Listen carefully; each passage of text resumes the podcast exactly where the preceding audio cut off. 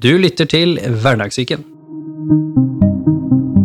I denne episoden skal vi snakke om livssorg i familien, og hvordan det er å være pårørende til et sykt barn. Og du skal få møte Bente, som har opplevd dette selv, og Janette, som har laget Livssorg i familien-boken.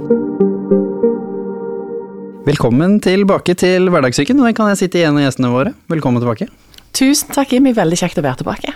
Og velkommen for første gang til deg. Tusen takk, veldig hyggelig. Og da er jo det neste spørsmålet, hva er nå dere for noen folk, da? Kan vi begynne med den som ikke har vært her før, da? Hvem er du?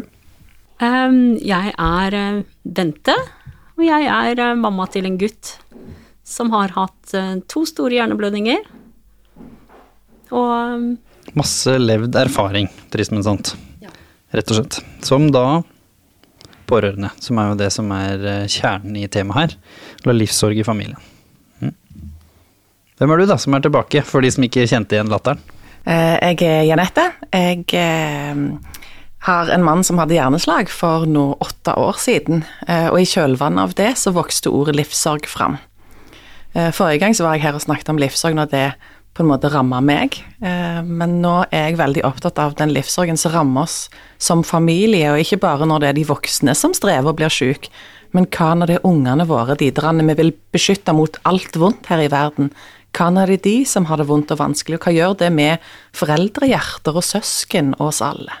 Han forsto meg. Å slippe folk ordentlig inn. Følelser inneholder egentlig flere komponenter. Vi har det jo best når vi klarer å fungere godt sammen med andre mennesker. Dette er Hverdagssyken, podkasten hvor vi sammen med fageksperter og mennesker med levd erfaring tar for oss de tabubelagte temaene og psykisk helse i hverdagen. Og så det mest berømte spørsmålet til fagpersoner, det er jo selvfølgelig hva var det som fikk deg til å begynne å studere psykologi in the first place back in the day? Skal vi se, skal vi sammenligne med svaret ditt sist gang? Skal vi se om du er oppgradert? Um, jeg hadde vel egentlig ikke tenkt på psykologi. Jeg skulle bli jurist, det var det jeg skulle bli. Um, helt til jeg fant ut at oi, det var jo litt kjedelig. Uh, så jeg, når jeg begynte på videregående, så var jeg litt sånn i villrede. Hva skal jeg bruke livet mitt på?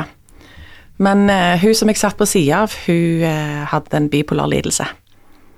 Og hun kom til stadighet og fortalte om hva hun og psykologen gjorde sammen, og jo mer hun fortalte, jo mer tenkte jeg ja, selvfølgelig, det er det jeg skal holde på med. Så du kan takke rett og slett side, sidevenninna, holdt jeg på å si, fra skolen? Ja, hun var inspirasjonen til, til alt dette som er blitt mitt psykologvirke. Hmm.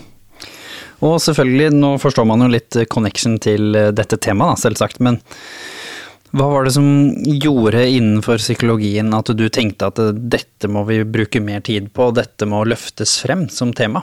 Når dette skjedde med deg selv, og du i tillegg var fagperson ved siden av? Jeg oppdaget jo at jo mer jeg snakker om livssorg, jo mer gir det gjenklang. Og ikke bare hos de som har lignende historier hos meg, men egentlig hos alle jeg snakker om livssorg til. Og så er jeg jo i utgangspunktet barne- og ungdomspsykolog. Så jeg har truffet mange familier opp igjennom. Og i familiene er det mye sorg, altså. Det skjer mye innenfor de fire vegger. Det er mange som strever. Det er mange som har, har barn som krever ekstra, som gjerne ikke er helt A4, men som gjør òg at det da blir hverdagen veldig krevende, der du må ha bare fokus på forutsigbarhet til enhver tid, f.eks. Der en blir fryktelig sliten som foreldre. Jeg pleier å si at livssorg i familien, det er litt som det er litt som å være på, på vei mot eh, drømmestedet ditt, der du vet at åh, der skal vi være som familie, der skal vi ha det bra. Og så er det akkurat noen som sier nei, beklager, det får du ikke, du skal være et helt annet sted, og du skal leve livet ditt som flamingo. Og flamingoer, det første folk tenker på i forhold til flamingoer, er jo den sånn fine rosa fugl. Men de aller fleste vet jo ikke at flamingoer de lever i noen av verdens tøffeste miljøer. Og flamingoer de er i utgangspunktet født hvite. Og så får de fargen sin fra all maten de spiser. Det er akkurat de samler energi og næring i fjærene sine. Og så skjer det noe det øyeblikket de bestemmer seg for å få barn. For det som skjer med flamingomamma når hun da lager dette egget, det er at hun bruker alle sine krefter på det. Alle hennes eh, oppbygde energi samles i egget, og så bruker hun videre sin energi på å fôre denne fuglebabyen. Da blir mammaen igjen hvit. Og så bruker hun opptil tre år før hun får den fine rosa fargen sin tilbake igjen. Det som skjer da, det er at i den perioden så er utestengt av flokken sin. For i flamingoverden der har de masse ritualer, de danser, de gjør ulike ting, men for å få være med, så må du ha de fineste rosa fargene. De hvite flamingoene, de er på sida av flokken så lenge de er hvite. Og hvordan er det da, når du da får et barn som krever ekstra? Når du aldri får tilbake fargen din igjen, eller når du kjenner at det øyeblikket jeg fikk samla bare bitte litt rosa, så skjer det et eller annet i barnet mitt sitt liv som gjør at energien bare suges fullstendig ut igjen. Så det er jo det òg boka handler om. Hva gjør du når vi da er en hel familie med hvite flamingoer litt på sida av alle de andre? Høres fascinerende likt ut som eh, menneskelivet, dette her.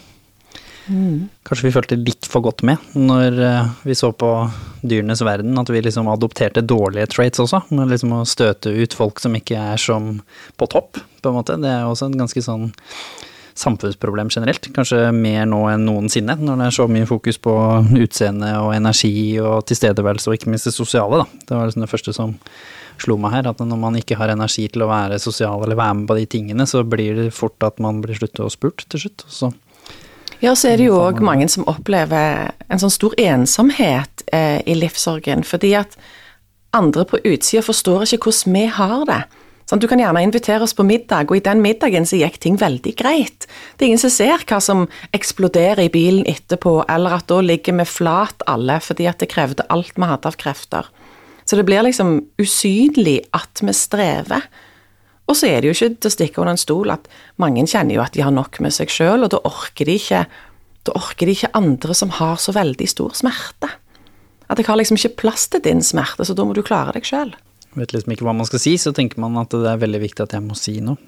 Det kan vi snakke om lenger, kjenner jeg, men kan ikke du først bare Nå forklarte du på en måte livssorg i familie, men kan du ikke forklare sorg litt mer? Hva er sorg egentlig? Fordi her er det jo sorg over tapt liv, eller sorg over forventet liv, på en måte. Og i dette tilfellet da i barna dine eller familien, som du sa. Men hva er sorg i seg selv, som et fagbegrep? Sorg er jo den der eh, tapsfølelsen. Den der tristheten som kommer over det som gikk tapt. Og som regel så har vi jo kobla den tapsfølelsen til døden. Sant? Når vi mister noen som vi er utrolig glad i, som står oss nær, så gir det en sånn sorgfølelse. Eh, livssorg handler om at vi òg har den samme følelsen knytta til når livet ikke ble sånn som vi hadde tenkt. Det er lett å tenke at ja, men da du rister det jo av deg, du reiser deg opp, du går jo bare videre, sånn tar deg sjøl i nakken. Men så er det noen ting som skjer oss som Det er ikke bare å ta seg i nakken. Det er en sånn tristhet, en sorg som ikke automatisk går over, selv om det har gått tid. Selv om ting gjerne faller litt mer og mer på plass, og en, en finner en ny hverdag, en ny nåtid, så er det allikevel ting som gikk tapt. Og da har vi òg en helt, helt naturlig følelse. Så er det jo det med å prosessere sorgen også. Det er jo mange som med sorg av død også syns dette er veldig strevsomt eh, over tid. Det skal vi snakke mer om når vi kommer til den positive delen oppi dette her, regner jeg med. Men for å høre litt om din levde erfaring, kan ikke du fortelle litt om først hvor familien var før det skjedde? For å på en måte vise litt eh, hvor dere var, og kanskje litt forventninger, og liksom hvordan dere så for dere at ting skulle bli. Og så kan vi gå inn i det som skjedde. Vi var en eh, helt ordinær familie, vil jeg jo si. Eh, sønnen min var en eh, aktiv liten gutt. Likte å være med masse venner. Var i faste aktiviteter, sport, ikke sant. Fotball, håndball, taekwondo. Spille badminton, hoppe på trampoliner. Altså, han var ut og inn hele dagen. Og ja, så seg selv som alle andre, kan du si. Husker du første gang på en måte når dere fikk barn, og liksom hva, var, hva betydde familie for deg, og hva var det du nå så for deg skulle skje når liksom denne lille Nurki kom ut? Å, du vet, allerede fra da vi visste at eh, vi skulle få en, eh, en eh, liten gutt, så, så gikk jo lykken i taket. Altså, det var Steinen begynte å rulle med en gang. Da, da var det planer. Veldig spent på hvordan ville han se ut, ikke sant, hvem skulle han ta etter? Vi skulle begynne å bygge tradisjoner, ikke sant, begynne å drømme om utdanningen hans og hvordan, hvordan voksenliv skulle bli for han, ikke sant. Ja. Eh, gjøre alt for at han skulle bli en eh, lykkelig gutt. Ja. Og det høres ut som han var. Aktiv, lykkelig gutt, begynner på skolen, er med på tusen ting og ingenting. Og da har man jo et liv, et familieliv. Kan du liksom beskrive livet litt sånn rett før det skjedde? Hva, hvordan var familielivet deres i form av positive tradisjoner og ting som foregikk rundt dere? Eh, nå er gutten min halvt britisk og halvt norsk, så livet besto jo veldig mye av både det norske og britiske sånn kulturelt sett. Eh, han var veldig stolt over å være norsk, og han var veldig stolt over å være britisk. Snakket begge språk flytende, var veldig fornøyd med det, og ja, vi hadde et veldig A4-liv, kan jeg vel si. Eh, våre rutiner var satt slik som de fleste har det, ikke sant. Og eh, ja, med de samme forventningene til hva som skulle skje. Og denne episoden kom jo ut eh, litt sånn tett opp under eh, jul, og det, det, er jo kanskje der hvor familie og forventninger liksom Det er jo noen av de tingene mange tenker på. Liksom oi, shit, nå skal jeg få et barn, da kommer jul til å bli mye mer gøy, påske blir mer gøy, ikke sant, man får ferier. Du får jo helt andre forventninger til hvordan livet skal se ut når, når ting på en måte går sånn som man tenker, da. Så hvordan, hvordan var f.eks. de julene før noe gikk galt her? Hva var det et barn beriker liksom den opplevelsen med? Og du vet, det var jo disse forventningene. Gleden han viste, ikke sant, sammen med fetteren sin. De har jo vokst opp sammen, veldig tett. Og du vet, å, delta sammen i disse tradisjonene eh, har jo betydd veldig mye. Både for oss voksne, men også for barna, da. Og ja, det å se fram imot eh, Bygge disse tradisjonene som guttene skal ta med seg videre inn i voksenlivet sitt, ikke sant, og den gleden det gir, det overskuddet det gir å skulle ja, planlegge, gå mot julen for eksempel, da, som du nevner, og ja, bare bygge forventninger, dele gleder. Absolutt.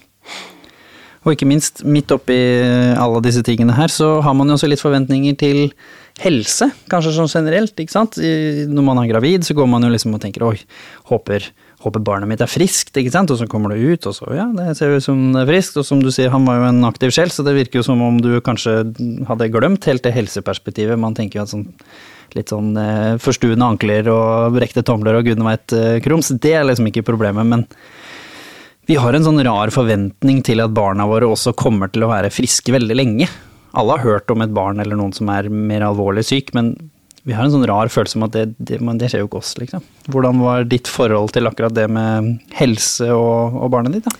Det er som du sier. Man, eh, man, går gjennom svangerskapet og håper at det skal gå fint, ikke sant.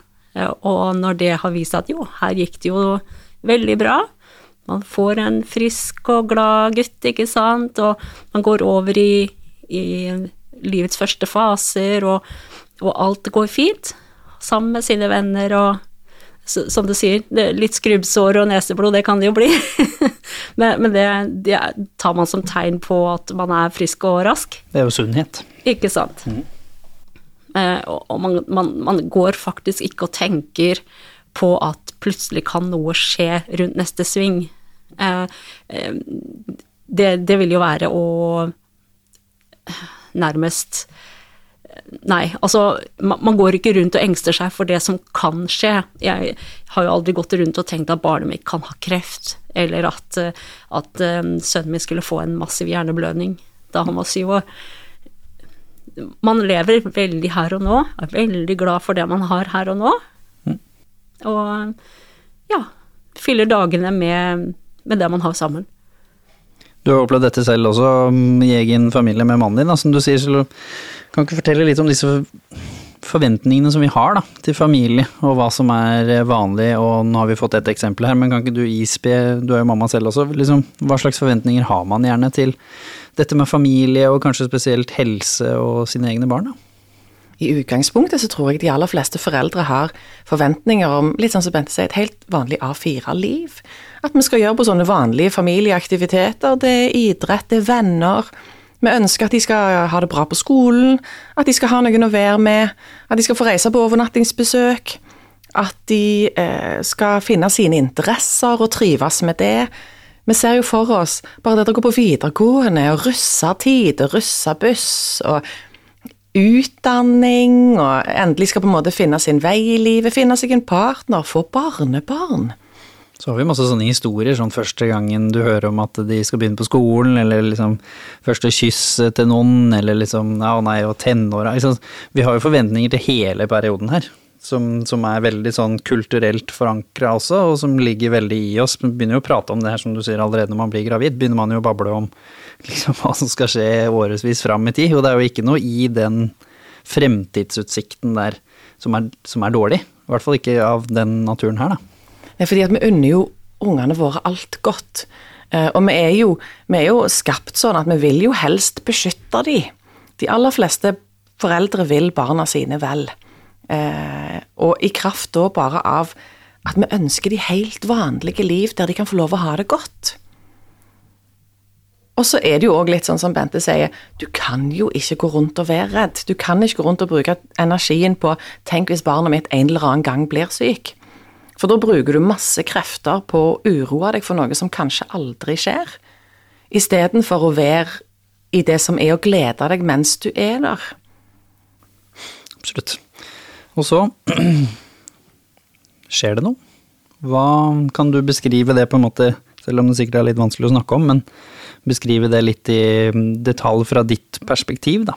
Dette virker som det var en helt vanlig dag, og så Ja, altså, sønnen min hadde fått noen forvarsler på, i form av noen hodepiner eh, og masse neseblødninger, som vi tok han med til fastlege for.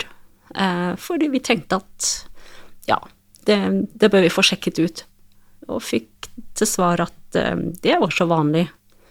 Det hadde jeg også som barn, husker jeg. Det var det samme svaret som vi fikk det. Det er jo helt vanlig, ikke sant. Eh, mye som skjer. kåler kåle litt, litt tynne nesevegger fikk jeg beskjed om, ikke sant. Noen fagtermer der som gjorde at mamma og de roa seg med, med, det. Ja.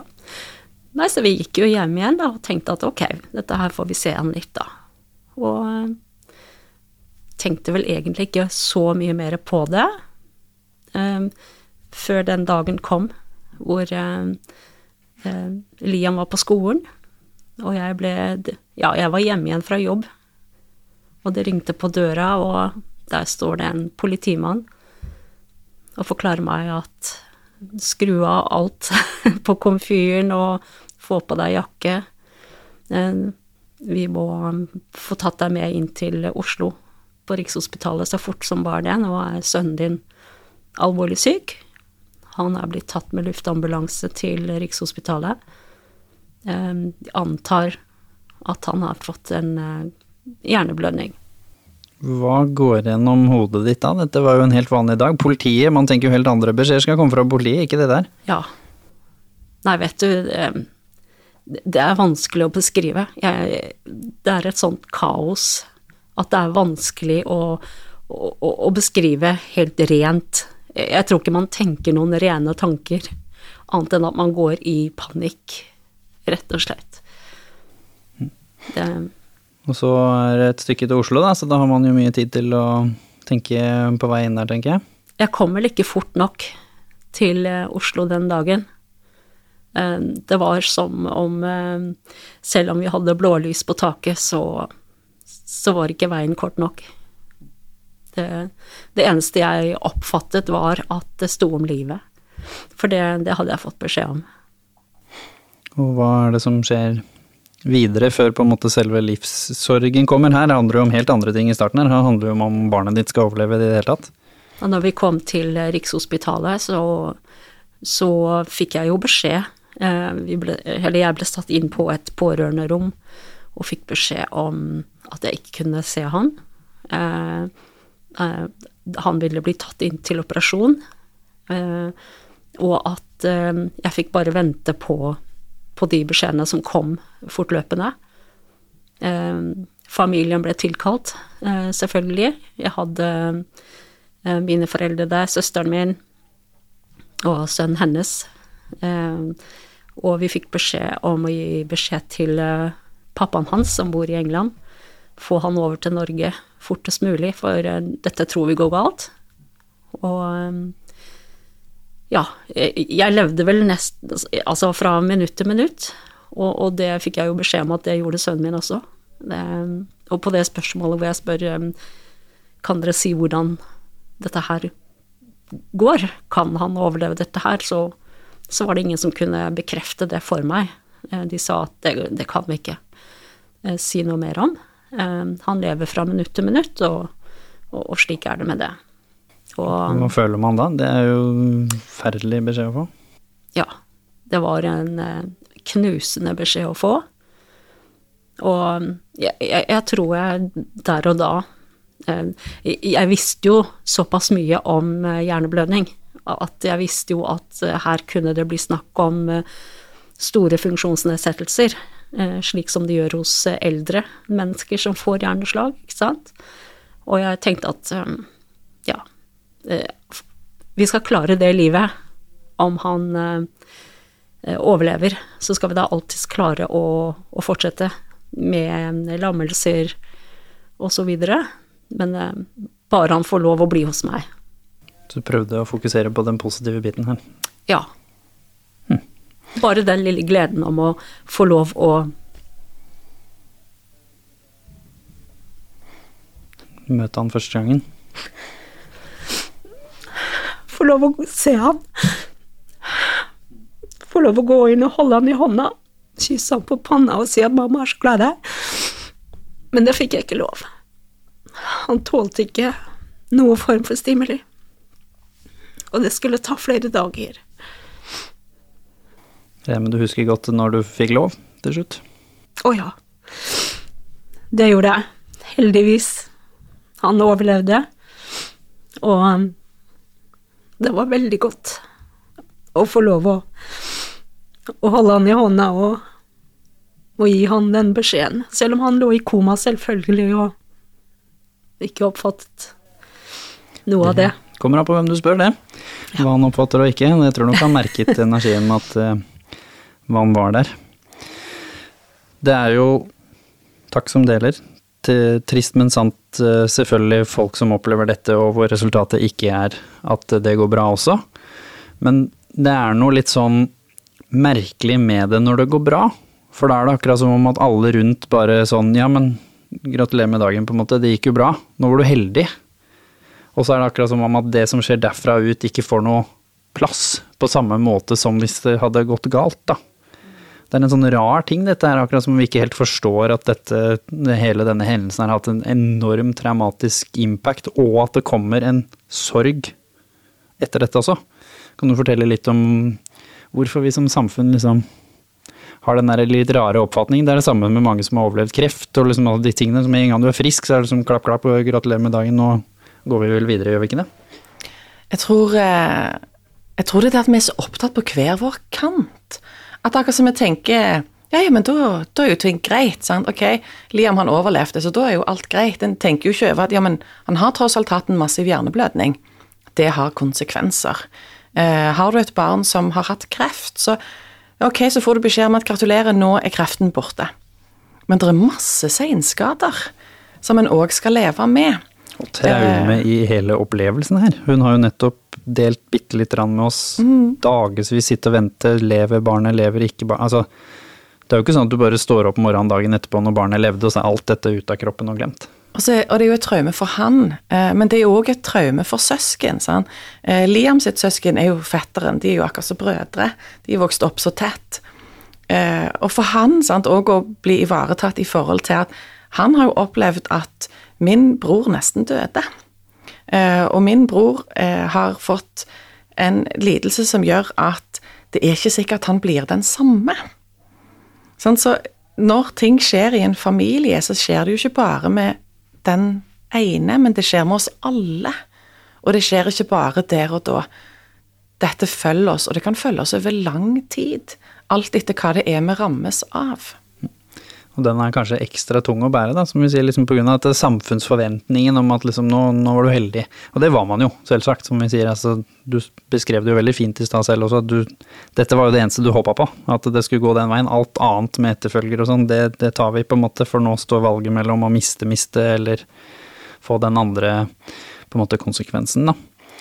Men hva skjer videre her i historien? Hva, hva hvordan går det med han når du faktisk finner ut at ja, han overlever i hvert fall? Jo, altså etter noen uh, uker på Rikshospitalet så ventet jo flere måneder på Sunnaas for opptrening. Uh, lære å gå igjen, ikke sant, for han var jo lam i høyre side, uh, fått tilbake språket. Han hadde jo fått afasi. Og du vet for han så var det en eh, enorm omstilling. Eh, et sykehus er ikke et sted for barn. Eh, og jeg, tror han oppfattet det som veldig, veldig mm, trist. Og han, han ønsket seg bare hjem igjen, så fort som bare det. og jeg sto der og skulle ønske at jeg kunne gi han eh, Gi ja, han den eh, Ja, og, og, og, ta han med hjem. Han ville være med sine venner som før. Han ville være på rommet sitt, leke med lekene sine. Og det ene ønsket uh, kunne ikke jeg innfri.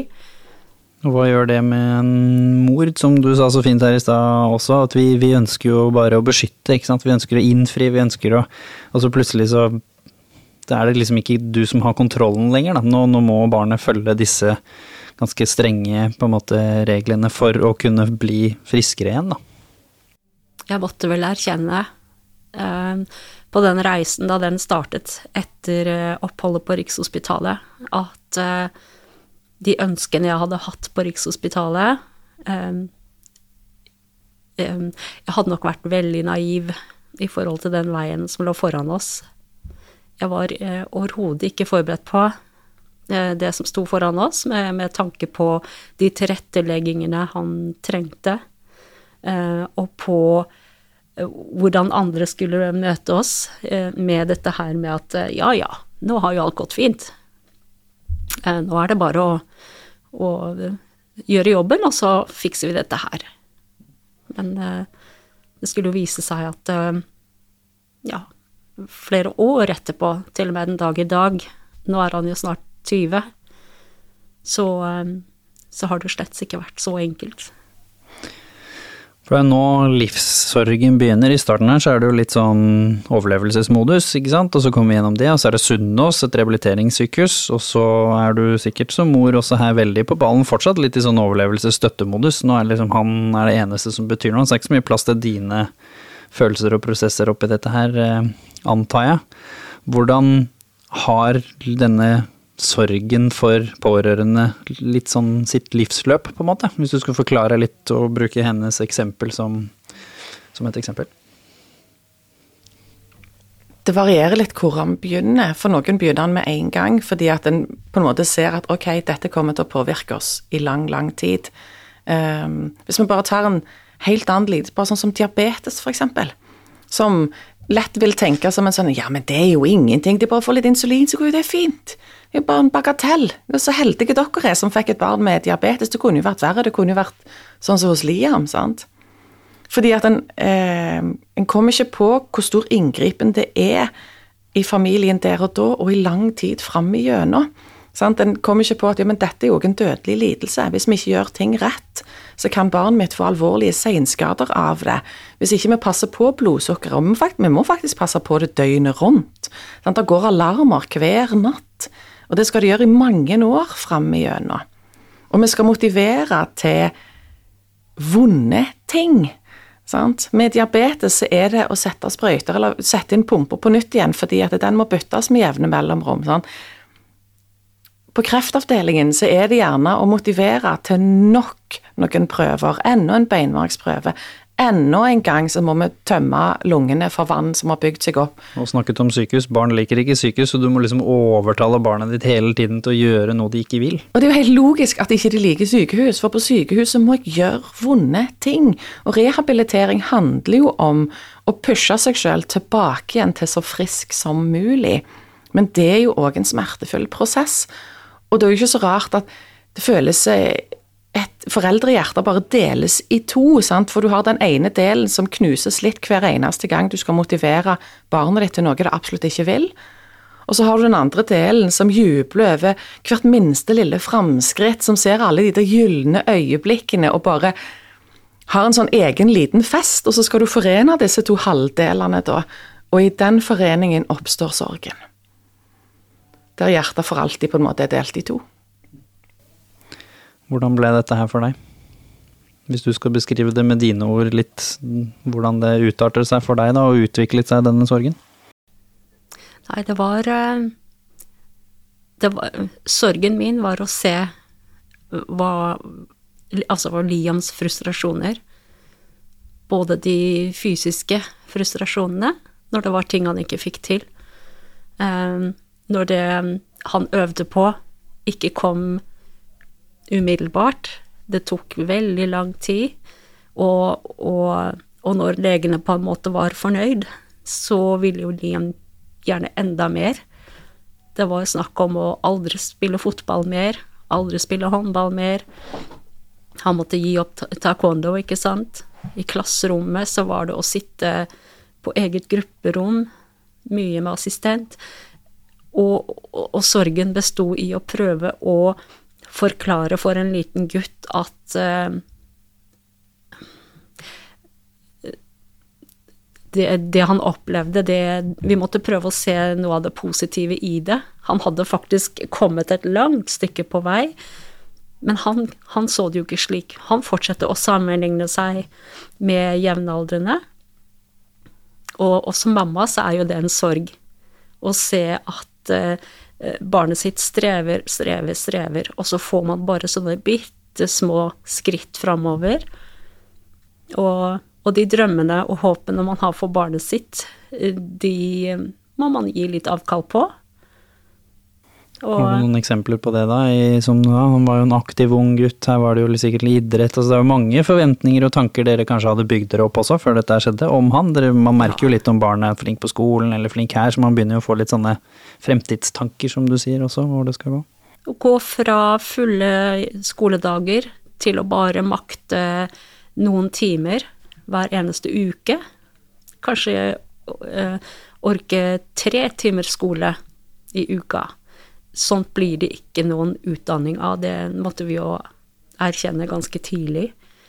Eh, og til tross for alle mulige forsøk på gode tilrettelegginger på skolen, så ble det vel mer en sosial arena enn en læringsarena.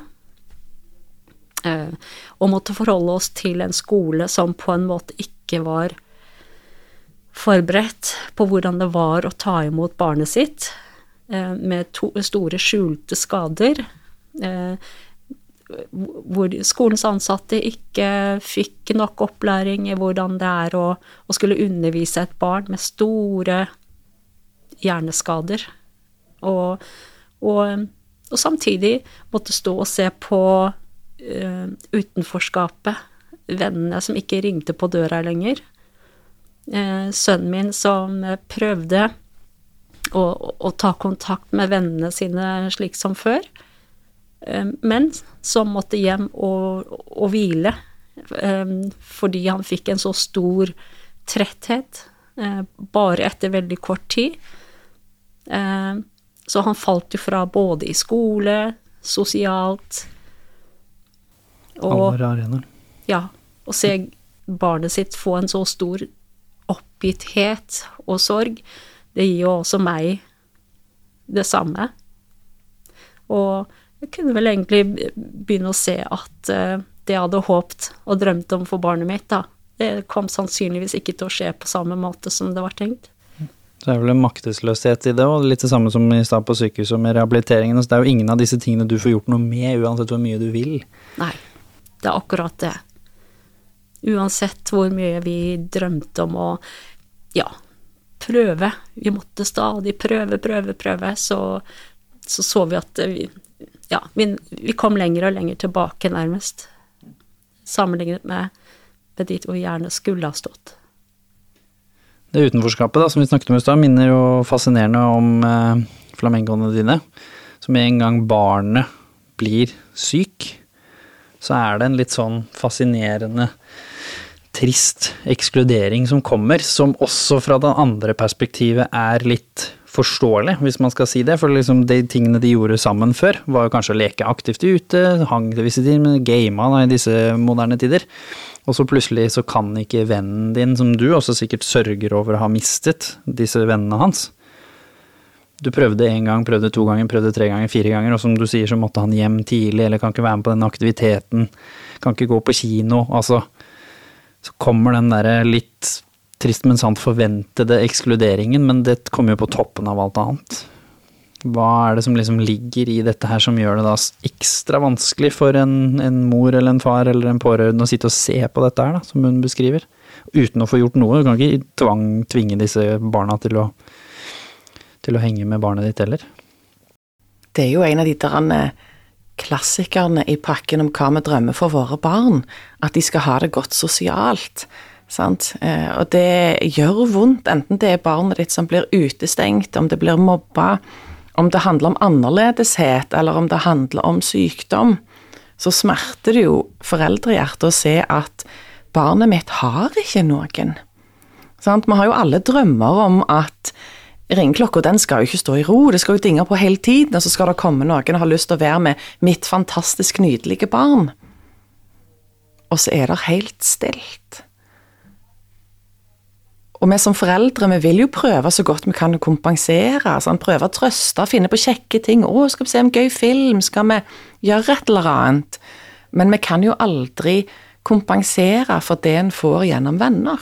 Så er det 365 dager i året, og man har sitt eget energinivå også, så liksom, de første ukene er sikkert dette mulig å møstre denne styrken som du sa med flamengoen også. Du finner liksom alt du har inni deg, men når det begynner å bli år, da, da forsvinner jo den fargen over tid. Så hvordan påvirka det ditt liv? For det har du ikke snakket så mye om enda. Det er jo lett å forstå her at hvis barnet ditt bare er tre timer på skolen i løpet av en uke, så må det jo være et annet sted. Så dette må jo ha hatt dramatisk påvirkning på ditt liv, i tillegg som mor alene til barnet her. Hva er det som skjedde med Hva ble konsekvensene da, for, for, ditt eget liv? Nei, jeg, jeg har eh, heldigvis eh, klart å stå i jobb. Eh, både Ja, etter hvert. Da, da, sønnen min eh, gradvis kunne gå tilbake til skole, eh, han kunne være litt på SFO, og med tilrettelegging gjennom arbeidsgiver, så, så kunne jeg fortsatt stå i jobb. Men det ble jo Det ble tyngre og tyngre ettersom årene gikk. Det ble det. Og vi så at den progresjonen som vi hadde forespeilet oss, den, den skjedde jo ikke. Og, og, da Liam fikk sin andre hjerneblødning noen år senere, så, eh, så ble det veldig vanskelig. Da, da ble det veldig tungt. Og da ble jo skadene for Liam enda større og, og tyngden av skadene ble mye verre, fordi de kognitive kravene i skole, blant annet, eh, skulle kreve så mye mer av eh, hjernen hans. Og, og, det ble veldig mye større jobb eh, for meg å skulle være der, trøste, når han ikke fikk til det alle andre fikk til, blant annet. Og ja, fortsatte å sammenligne seg med sine jevnaldrende, og, og, han måtte eh, til slutt erkjenne gjennom eh, ungdomsskolen at her går det ikke så bra.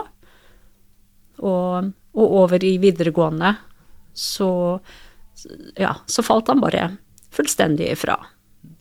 Og selv om du kanskje, som du sa, heldigvis, da, men arbeidsgiver som kan tilrettelegge og disse tingene kanskje fysisk er der, så betyr jo ikke det nødvendigvis at man mentalt er der, hvis man går og bekymrer seg over hvordan Liam har det på skolen, eller hva man skal gjøre når man kommer hjem, eller ting du må forberede. Så det påvirker jo selvfølgelig arbeidslivet ditt selv om, selv om man selvsagt kanskje får lov å være der, da, rent fysisk.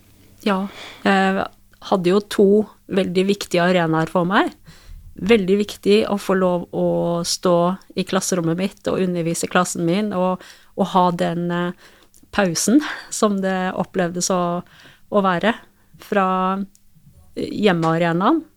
Samtidig som jeg hadde et like stort behov for å være hjemme eh, så fort sønnen min kom hjem fra skolen, for å være til støtte og hjelp for han der. Så det er å ha veldig mange baller i lufta, eh, og eh, samtidig så var det så veldig mange arenaer man skulle stå på. Rehabilitering det ene øyeblikket, og så var det skole, og så var det jobb, og så var det andre foreldre. Veldig mye man skal stå i, og man opplever et veldig stress i tillegg til sorgen. Og det er jo ikke unormalt når en står i så mye over tid at en kjenner på det som kalles omsorgstrøtthet. Og omsorgstrøtthet er noe vi snakker altfor lite om. Det er akkurat som det ikke er stuereint å kjenne på det, og så er det jo helt normalt. Som det betyr no hva, hvis du skal forklare det litt? Eh, det er det er akkurat som du får en utslitt empati. At nå har jeg gitt og gitt og gitt, at jeg vet ikke om jeg har mer å gi. Uh, og så merker en det ikke nødvendigvis For det er ikke sånn at du våkner opp en dag og bare sånn 'Oi, jeg lurer på om jeg har litt utslitt empati'. Men du merker det på en sånn Du tar kjappere løsninger, sant. Istedenfor uh, hjemmelagde middag, så ok, det ble Fjordland, det ble Grandiosa, det blir takeaway. Du nådde målet, sant. Du fikk servert middag, alle fikk mat, alle ble mette. Men det blir kjappere og kjappere løsninger fordi at du har ikke mer krefter. Du endrer vaner, du endrer på så mange ting at du plutselig kan sitte i en sånn versjon der du tenker Hvor ble jeg av? Det var det jeg skulle til å si. Du må jo virkelig føle at man mister seg selv. Alle de tingene du vanligvis gjennom livssorgen For livssorgen jo ikke bare forventningen til ditt eget barn, det er jo til deg selv. Som vi snakket om i sa, det sosiale, at du hengte med venninner eller kompiser, eller om du trente, eller Disse tingene blir det jo ikke plass til oppi livet på samme måte som før, regner jeg med. Nei, jeg kjenner meg igjen i det eh, Jeanette sier her, med omsorgstretthet.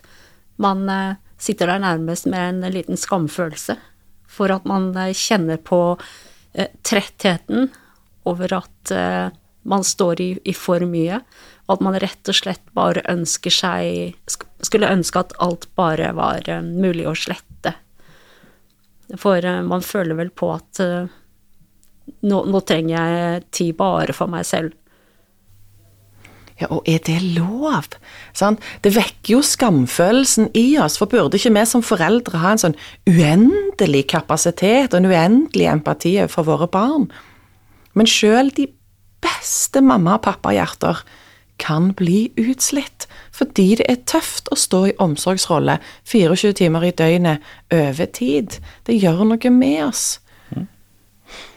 Og så det samme, da, disse store tradisjonene som kommer igjen, da når man da tar med inn i en ny jul, da, som du sier, hvor det er masse forventninger og tilrettelegning, hvordan påvirker dette tradisjoner, om det er jul eller påske eller denne, disse andre tradisjonene dere hadde?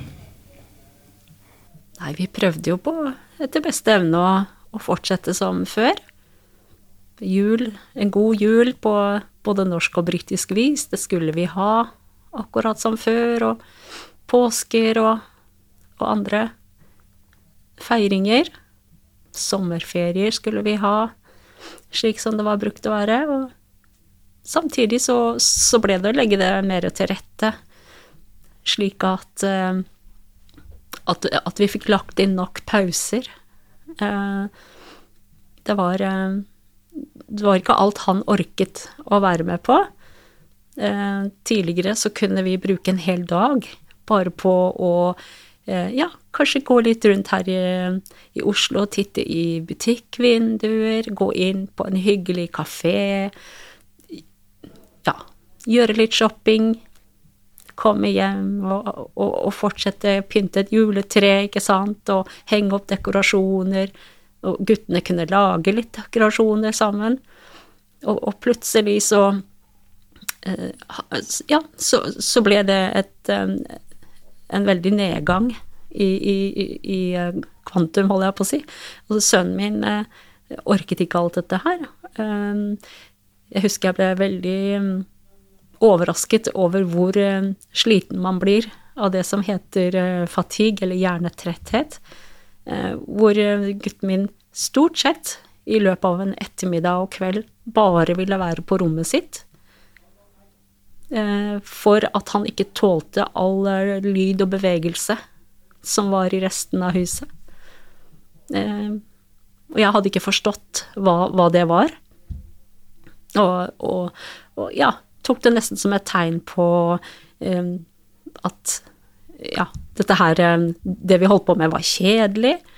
Føler seg mislykka, regner jeg med. Liksom når barnet sitt går og legger seg på rommet på julaften, på en måte. Eller liksom sånne Ja. Og tenkte at eh, det var noe som eh, kalte fram et savn. Slik som vi alltid var vant til å, å legge opp til feiringer. Det, det var ikke lenger på samme måte. Og samtidig som jeg tror han også Han, han klarte jo ikke å beskrive dette her på noen måte, siden han var ung. Syns det var vanskelig å, å få fram hvordan det var å, å sitte med dette her, da. Og så kommer jo man litt inn i den biten som vi snakket om, da. Hvor, hva gjør vi med dette her, da? Livssorg. Man får jo ikke endret omstendighetene annet enn å følge de råd og tips og muligheter som man kan. Men hvordan får man kanskje potensielt endret sorgen i det, og prosessert den på en så god måte som mulig, når man har ting som man ikke får gjort noe med? Tenker Første steget er jo å tillate seg selv å faktisk føle på det. Uh, uten dårlig samvittighet og skyldfølelse. Det er jo veldig mange som når de får vonde følelser, spesielt når det er knytta til familie, så gjemmer de de vekk, for jeg burde ikke ha de. Jeg burde jo bare ha gode, fine følelser. Sant? Og da legger vi de i den der berømmelige skuffen, og hva skjer med følelser som ligger i skuffen? Jo, de ligger og skaper støy og uro og vokser og gjør mer vondt. Så det å bare gi seg sjøl gråtelov, som jeg kaller det så fint, sant? det å tillate seg små øyeblikk, fordi at gråten den er der ikke så lenge hvis du først har fått tak i den. Men få lov å gråte over hva har barnet mitt tapt? Hva har de andre ungene tapt? Hva har jeg tapt? For hva mista vi på veien i dette? Bare det der å også få lov å gråte over at her gjør jeg alt jeg kan for å stille i stand verdens beste jul, for om ikke annet så unner jeg gutten min den fineste jul i hele universet. Vi bare ser et smil på munnen hans. Ja! Og så går han og legger seg på rommet istedenfor, for han orker det ikke. Sant? Det å få lov å gråte over at jul blir ikke det samme igjen, og det jeg har lyst til å gi gutten min, det var, det var faktisk ikke en gave for han. Det ble støy. Eh, Det å tillate seg å ha følelser, få lov å bli sint. Eh, Det betyr ikke at ok, sinnet skal gå ut over noen, men det å gi seg sjøl få lov til et godt gammeldags brøl over hvordan livet mitt er. Og det å gi eh, søsken lov òg. Senest i dag tidlig så snakket jeg med en mamma der der var det da faren som var blitt alvorlig syk. Og det der å få lov å snakke om at i det øyeblikket eh, far ble syk, så døde noe i vår familie som eh, for han gutten er helt logisk å snakke om, men det blir alltid kvelt hver gang han prøver å nevne det, for det er jo ingen som er død, og pappa er jo her. Eh, men det å snakke om at ja, han er her, men han er ikke helt her. Sant? Liam, for eksempel? Han, han kommer i en ny versjon, han er fortsatt her, og han er fortsatt en fantastisk gutt, men det er òg noe som er tapt. Og det å få lov å sørge over det som gikk tapt, det er steg nummer én. Slipp ut det vonde, la det få lov å ta plass, og du gjør ingenting feil om du har vonde følelser. Hvorfor er det så viktig å gi plass til dette her, da? For det virker jo som det tok litt tid før du lot det få plass. Du, jeg tror eh, for sin egen lykkes del så er man nødt til å skape litt dynamikk. Eh, vi så jo i vår familie, så, så er det ikke bare jeg som mamma som gikk gjennom eh, vanskelige ting, eller sønnen min, som gikk gjennom en så forandring i livet sitt. Eh, det var jo også fetteren til Liam, eller fetterbror, som de kaller hverandre. Eh, han var jo seks år eh, første gangen, tolv år andre gangen. Og, og, for han også. Han gikk gjennom en helt spesiell sorg. Han hadde jo mistet broren sin, som han sier. Eh, det de alltid gjorde sammen. De, de hang jo sammen døgnet rundt, nærmest. Og så fra det ene øyeblikket til det neste eh, få livet sitt så snudd opp ned, og, og ikke ha fetterbror eh, til å være med på de samme tingene lenger, fikk jo han ut i en enorm sorg. Og jeg tror eh, For meg og, og, og søsteren min så var nok alle, både på sykehus og på Sunnaas, det var veldig fokusert på, på de voksnes sorg. Um, hvordan vi hadde det hjemme, gikk mer på hvordan vi som voksne hadde det. Um, sjelden var det noen som spurte hvordan um, søsteren min sin gutt hadde det. Fordi, i hvert fall den gangen, så var det nærmest tatt for gitt at barn, de var så fleksible. De kunne bare venne seg til nye ting. Og Men, men vi, vi, så jo han i ettertid så har jo han utviklet en stor posttraumatisk stress. Um, den lå der nærmest umiddelbart etterpå, men, eh, men eh, mange, både i familien og i skole osv., så, videre, så nok mer på hans atferd som um, noe som uh, bare var å fikse på. Typisk, typisk det. Blir ja. møtt på atferden, og ingen spør hvorfor. Nettopp. Er det du utagerer. Hvorfor har du endret deg? Det hadde jo i dette tilfellet burde vært ganske enkelt å finne ut hva det er av, men vi gjør fortsatt ikke det. Det er sånn typisk du har jo lære selv, som du sa, så man møter jo gjerne når man har 30 stykker, da, ikke sant, og så kommer det én som driver og kåler litt, som jeg var ofte, så, så er det jo lett å på en måte prøve heller bare å irettesette dette her, eller nå må du være stille, eller nå må du gi deg, eller så er det jo egentlig bare et barn som prøver å kommunisere et eller annet form for behov, som ikke blir møtt i det hele tatt. Og da blir jo den sorgen enda større. Og uforløst, som du sier, for da er det jo ikke plass til at dette barnet får lov å uttrykke at jeg er kjempelei meg fordi jeg mista bestekompisbror, som nå ikke er der lenger i mitt liv, da. Så er det ikke alltid det like lett å forstå heller, sant. Eh, når livet blir snudd på hodet, sant, så er det jo kaos for den voksne. Og da er det jo ikke alltid like lett å se at eh, når søsken gråter kjempefortvila over skrubbsåret som egentlig er grodd, at det da handler om at ja, men jeg er så lei meg for broren min som ligger på sykehus. Sånn, det krever jo det krever mye av oss som foreldre, og òg skal se det der språket som ikke er ord. Sånn, som er å bli usynlig. Jeg blir den der flinke. Ja, men jeg klarer meg sjøl, jeg. Og så kan vi hvile litt i det, fordi at jeg drukner som foreldre, så da er det litt godt òg at du klarer deg sjøl. Sant? Eller bare det å så Når en blir utagerende, når en blir vanskelig, så blir det lettere å grensesette, irettesette, gå på rommet ditt. For jeg har ikke krefter til overs. Så det å vie tid til søsken er utrolig viktig. For de blir ofte glemt. Og så finner de andre måter å reagere på som gjør at vi gjerne ikke helt forstår hva de holder på med. Så kommer det gjerne en stund etterpå, som gjør at det er jo ikke like lett å koble det til den hendelsen heller. Man tenker at det har skjedd noe på skolen, eller har kanskje blitt mobba, eller liksom at du glemmer at ja, men det er jo et år siden og det skjedde. Kanskje han tenker ekstra på det i dag. Ikke sant? Altså, det kan være noe som trigger det. Det var De skulle gjøre en aktivitet som alltid Liam var med på, og så plutselig så kommer en sorg som barnet ikke engang klarer å forklare, og så blir bare sur og sint isteden for å kjenne etter en følelse her, da. Men når man faktisk kommer til det punktet hvor man gråter og begynner å uttrykke disse følelsene, når du gjorde det, hva var det som har gått i det? Å få lov å liksom la dine følelser få litt plass, da? Det er det der å kjenne på at å, det, det, det, føles godt å, å, få litt av stresset ut. Stresset kan man være overraska over at fortsatt er der. Eh, jeg føler på den dag i dag. Jeg, jeg kan tro Man tenker at man ikke skal gråte over det fordi nå er han 20, og så sitter jo dette fortsatt i. Ja, man kan tro at man er så ferdig med, med det. Mm.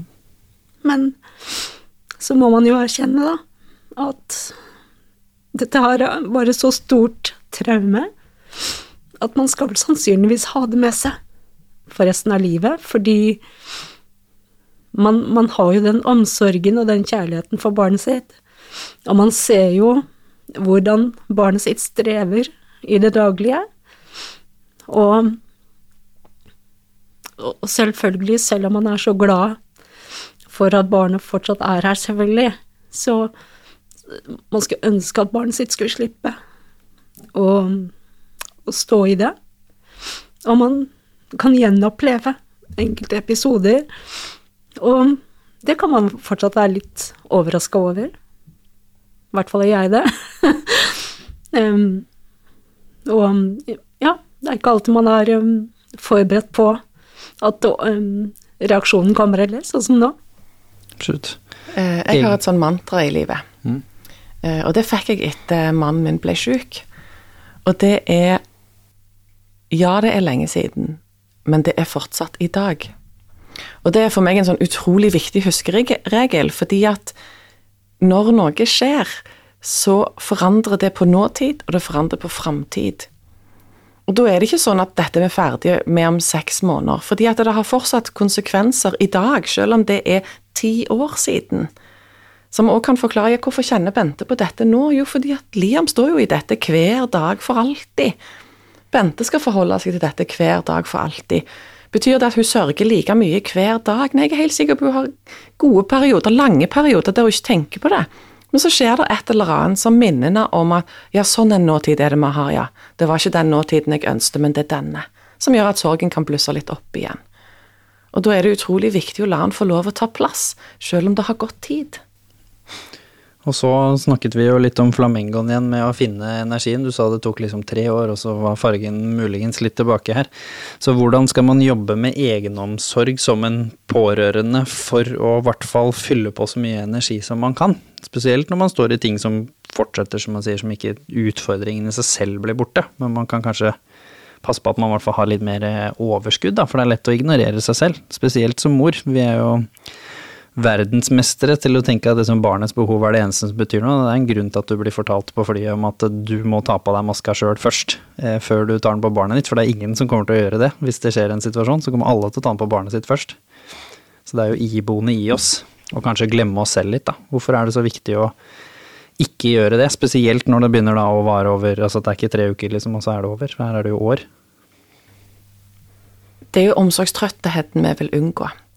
Samtidig som noen ganger i livet så kan vi ikke unngå den, fordi at det er dette livet krever. Eh, og når livet mitt krever dette, så velger jeg det.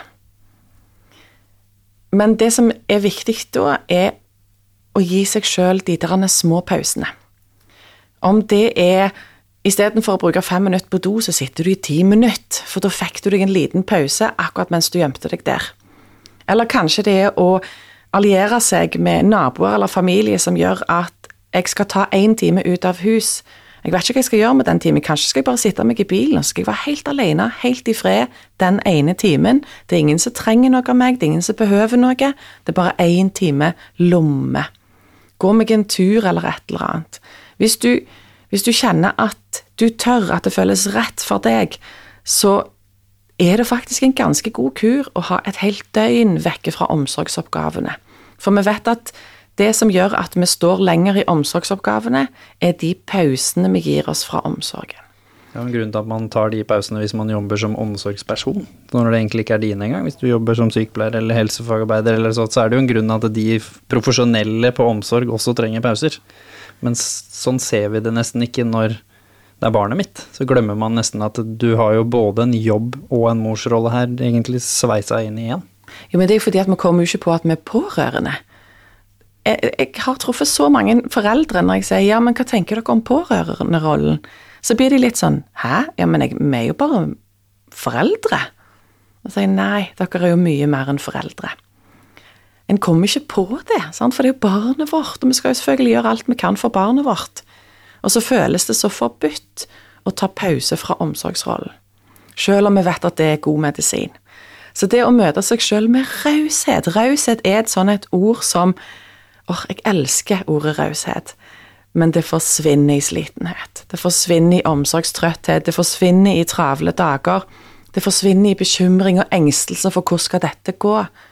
Hvis vi greier å hente inn bitte litt raushet, øve den opp igjen, fordi at akkurat som en muskel som på en måte har eh, ramla helt ut av trening, bare det der å si takk til hverandre litt oftere, litt hver eneste dag, gjør at vi gir hverandre litt mer krefter til å stå i det vi står i. Til og med berømme hverandre for at Vet du hva, jeg la merke til at du var et helt kvarter på do. Bra, godt jobba! Jeg håper du tok deg en god pause, der du fikk trukket pusten djupt noen ganger og bare kjent på at akkurat nå så har jeg fred. Eh, for da hjelper vi hverandre til å stå i det òg, og så anbefaler jeg jo òg alle familier, samme hva de står i, å lage det som kalles grønne lister.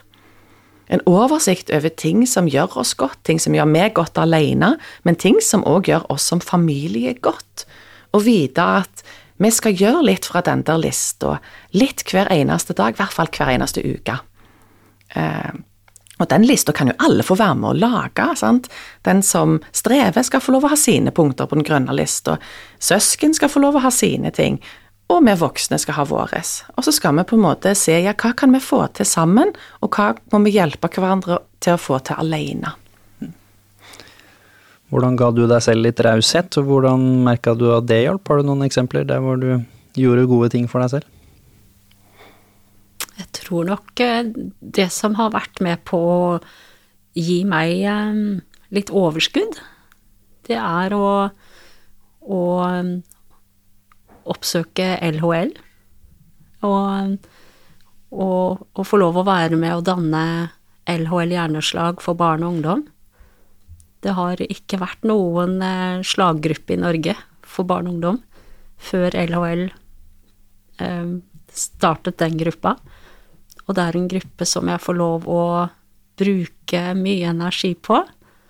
Og snakke med andre foreldre som kjenner seg igjen, som har barn med hjerneslag eller ervervede hjerneskader, og hvor vi vi trenger ikke bruk, å bruke så mange ord på å snakke sammen. Vi har stått veldig mye i det samme, står veldig mye i det samme. Samtidig som vi gir hverandre den støtten og forståelsen som kanskje ikke andre har, som ikke står i det samme. Mm. Mm. Det gir meg masse energi og, og, glede. For det er et lite sånn fascinerende conandrum, som vi ville kalt det, selvmotsigelse eller litt sånn mysterium. Det er jo det at man tenker jo på energi litt for banalt noen ganger. Man liksom tenker at bruker masse energi på pårørende, ergo jeg må bare hvile masse og ikke gjøre masse. Mens noen ganger så kan det hende at det å gjøre noe gir energi. Spesielt hvis det gir deg noe, da. Her det gir samhold, det gir forståelse.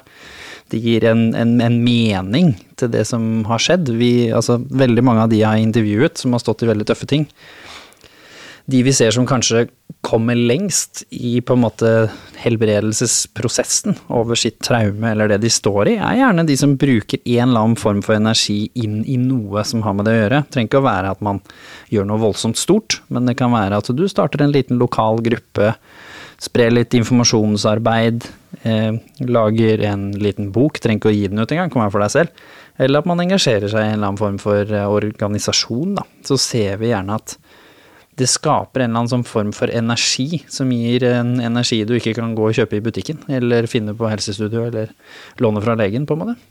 Jeg får lov til å bruke kreativiteten sin på noe annet enn å være forelder. Det er jo utrolig godt. Samtidig som det er ikke alle som får til det. Noen kan få det til. Andre de kan få lov å benytte seg av det som bygges opp. Eh, bare det å vite at det fins andre i min situasjon, bare det å vite at jeg kan melde meg på det som Bente arrangerer. Jeg kan få lov til å være en del av den flokken.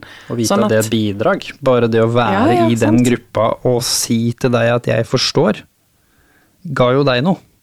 Og så ga det plutselig meg noe òg. Oi, jeg hjalp Bente på fordi jeg viste at jeg forsto. Barnet mitt er også så gammelt, kanskje jeg, barnet mitt er to år eldre, så jeg ligger to år foran i løpet. Altså, det er, ikke, det er, det jeg mener, bidrag er så mye. Det er et veldig vidt begrep. Du må ikke starte noe. Men bare det å være med i en pårørendegruppe er jo et bidrag. Et enormt bidrag for mange. Så det der å tenke at jeg har lov å, å lete litt, for fins der, finnes der allerede en flokk for meg der ute som kan forstå meg på en annen måte? Fins der en forening som passer til det vi strever med? For noen gjør det det, dessverre ikke for alle. Det er alltid de kan streve med.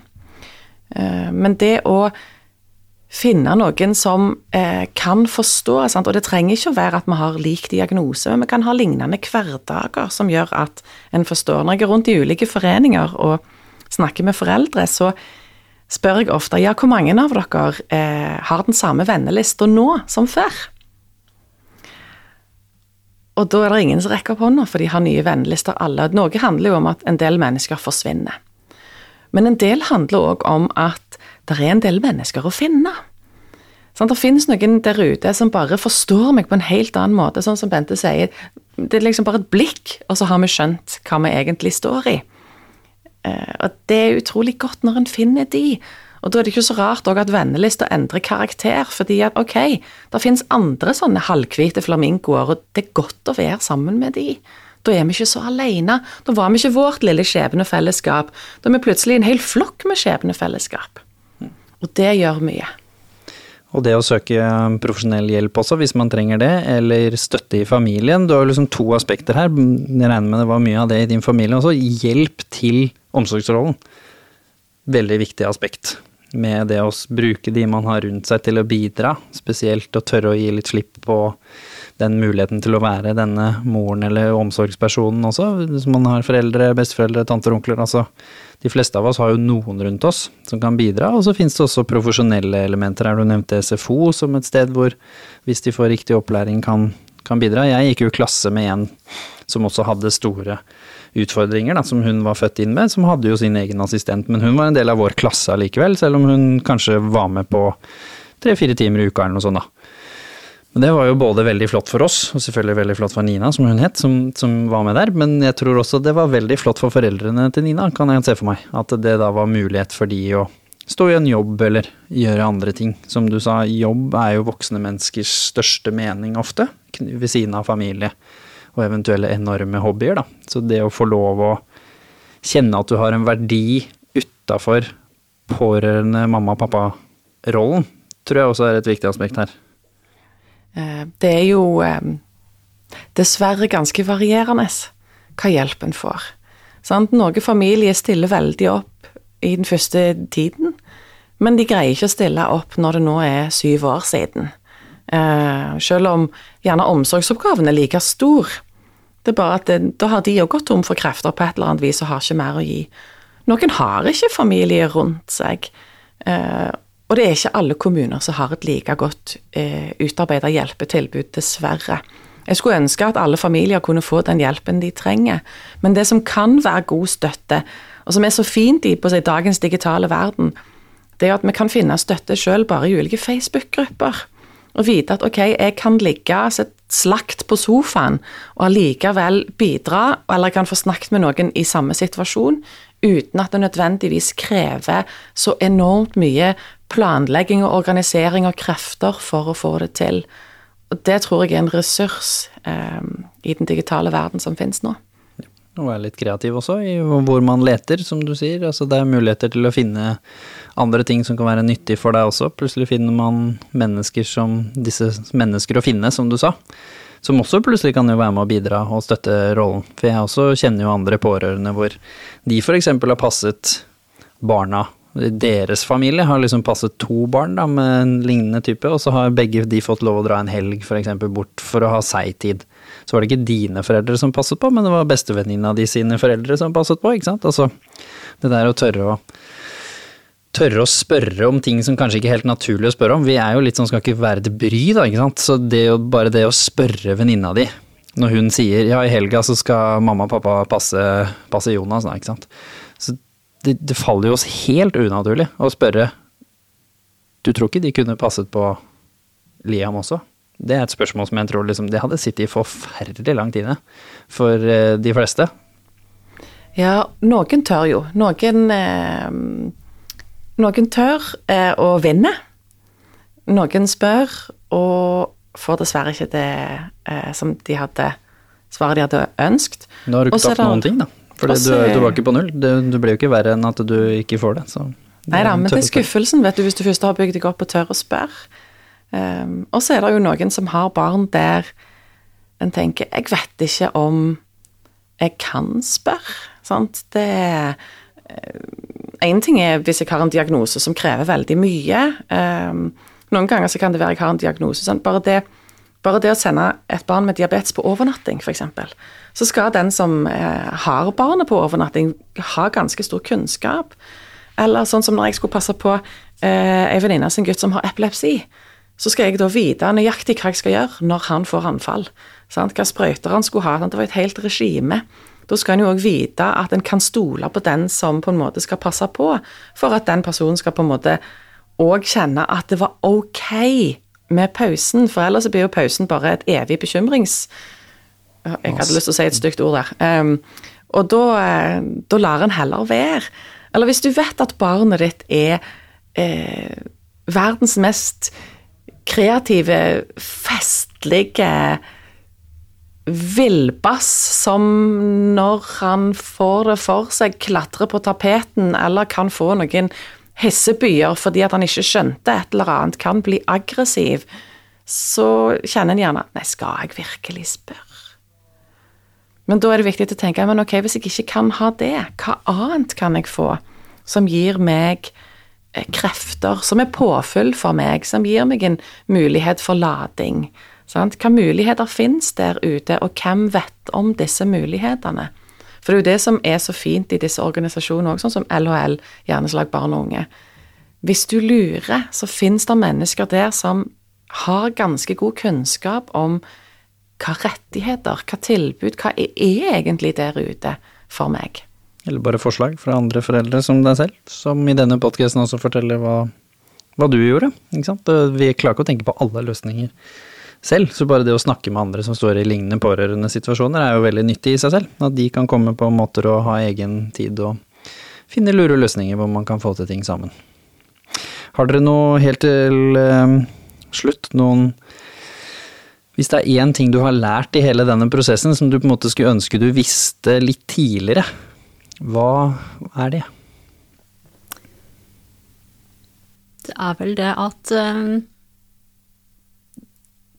det kommer en ny hverdag, og den er ikke alltid Den trenger ikke å være så tung som du har sett for deg. Det er eh, Det er for det meste de gode hverdagene du husker uansett. Og eh, jeg tenker at eh, de utfordringene som kommer, de, de de står man over, for å si det sånn. Det er eh, Men hva er det man sier? Man børster av seg og går videre. Til fagpersoner der ute, da, som møter pårørende, men også kanskje barnet, hvor pårørende henger med, som det er mye av. Har du noe du gjerne vil si til de, som kanskje kan gjøre det litt eh, en liten påminnelse til de om at de skal se litt bredere enn bare den barnet, eksempel, som er foran seg? Ikke gå i den fella og kun ha fokus på eh, neste mestring, neste framsteg, neste skritt. Sant? Hvor er målet vårt nå? Men stopp litt opp. La sorgen få lov å ta plass. For når den får lov å ta plass, så trenger den mindre plass etter hvert. Og min, min familiene og ungene på at ja, det er mange tunge ting, og de føler seg skal få lov å ta plass, men det fins jammen meg et hav av gylne øyeblikk. Vi skal bare huske å stoppe litt opp når vi er i de, så vi tar de med oss, for jeg tror det kan gi en helt spesiell farge på disse flamingoene. Perfekt. Tusen hjertelig takk for at dere ble med begge to. Takk som delte såpass eh, åpent. Det er ikke som uansett hvor lenge siden det er, så vet vi veldig godt at disse tingene sitter veldig godt i oss, som viser jo bare hvor mye dette tar, og hvor mye dette påvirker oss. Tusen hjertelig takk til alle som hører på også. Husk å dele og spre denne episoden. Skriv litt hva dere likte, om dere kjente dere igjen i noe. Ikke minst kom med noen tanker og, og refleksjoner. Det setter vi alltid pris på. Og ikke minst, legg gjerne inn en review også. Og så deler vi selvfølgelig linker til boken også, og til annen informasjon som er nyttig i forbindelse med det. Også gruppa, selvfølgelig, som ble nevnt her. Det deler vi i postene som vi har på sosiale medier, så du også får tak i den informasjonen veldig enkelt. Ha en så god dag som overhodet mulig, folkens.